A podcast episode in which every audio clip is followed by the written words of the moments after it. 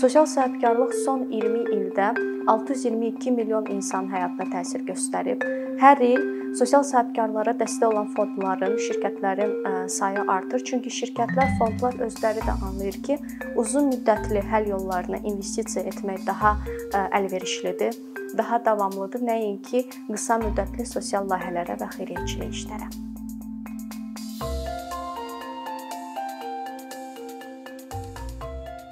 Pandemiya vaxtı bir çox gənclərimizin xeyriyyəçilik təşəbbüsünü izlədik. Sosial şəbəkələrdə bir çox aksiyaları insanlar qoşulurdu ki, bir çox ehtiyacı olan ailələrə pandemiya vaxtı, hansı ki onlar öz iş yerlərini itirmişdi, gəlir mənbələrini itirmişdi.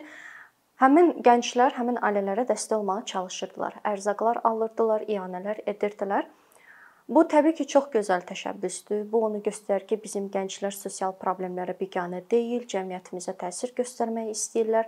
Amma biz dərinə getsək, biz hər kəs bunu çox yaxşı bilirik ki, bu xeyriyyəçilik əməllər e, heç bir ailənin əsas problemini həll etmir. Çünki ərzaqlar bitir, ianə edilmiş məbləğlər də bitir və biz həmin ailələrə əlavə dayanıqlı imkanlar yaratmırıq ki, həmin ailələr bizdən asılı olmasınlar.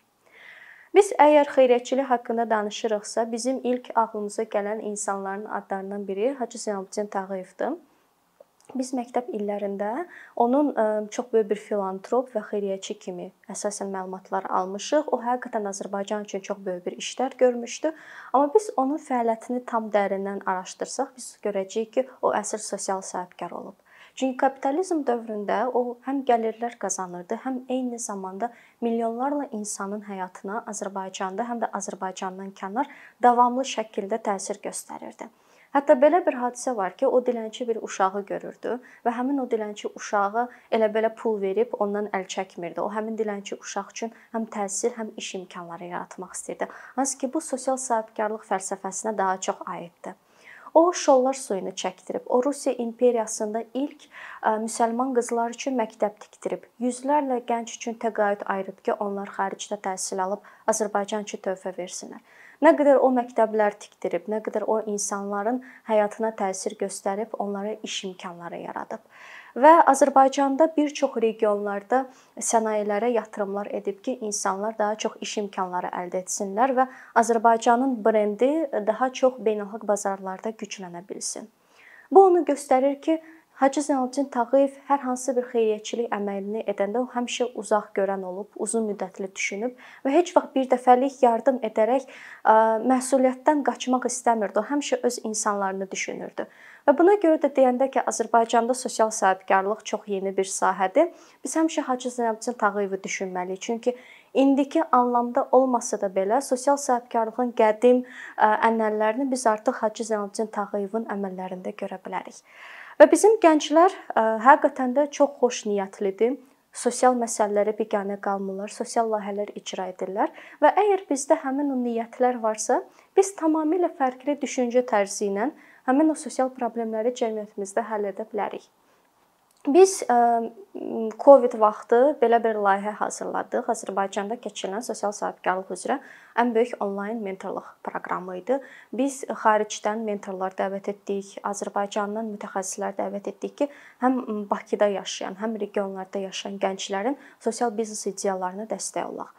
Və həmin o mentorluq çərçivəsində hansı ki, tamamilə ödənişsiz həyata keçirilmişdi. Biz gördük ki, bizim gənclər həqiqətən də uzun müddətli olaraq bizim cəmiyyətimiz üçün çox böyük bir işlər görürlər. Sadəcə onlara düzgün istiqamət lazımdır.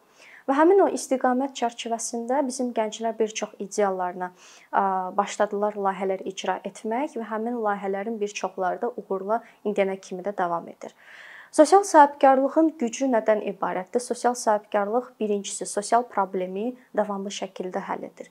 Biz heç kimdən müstəqil olmuruq. Biz dövlət qurumlarından, özəl şirkətlərindən heç bir yardım almayaraq özümüz biznes qururuq və biznesdən əldə edilən gəlirlə davamlı şəkildə sosial təsir göstəririk.